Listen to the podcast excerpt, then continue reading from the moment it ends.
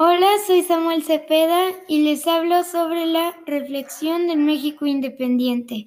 Nuestro país, México, como ahora se llama, pudo haber tenido una historia diferente, desde su nombre, que sería Anáhuac o América Mexicana, entre otros.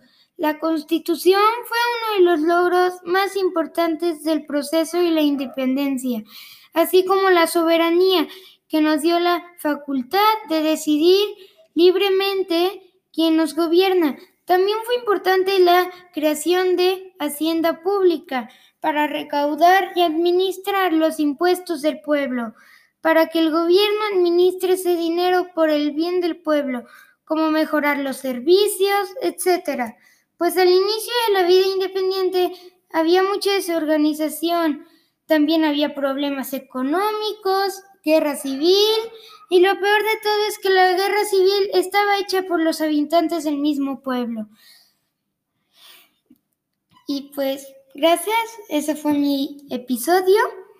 Espero que les haya gustado y adiós.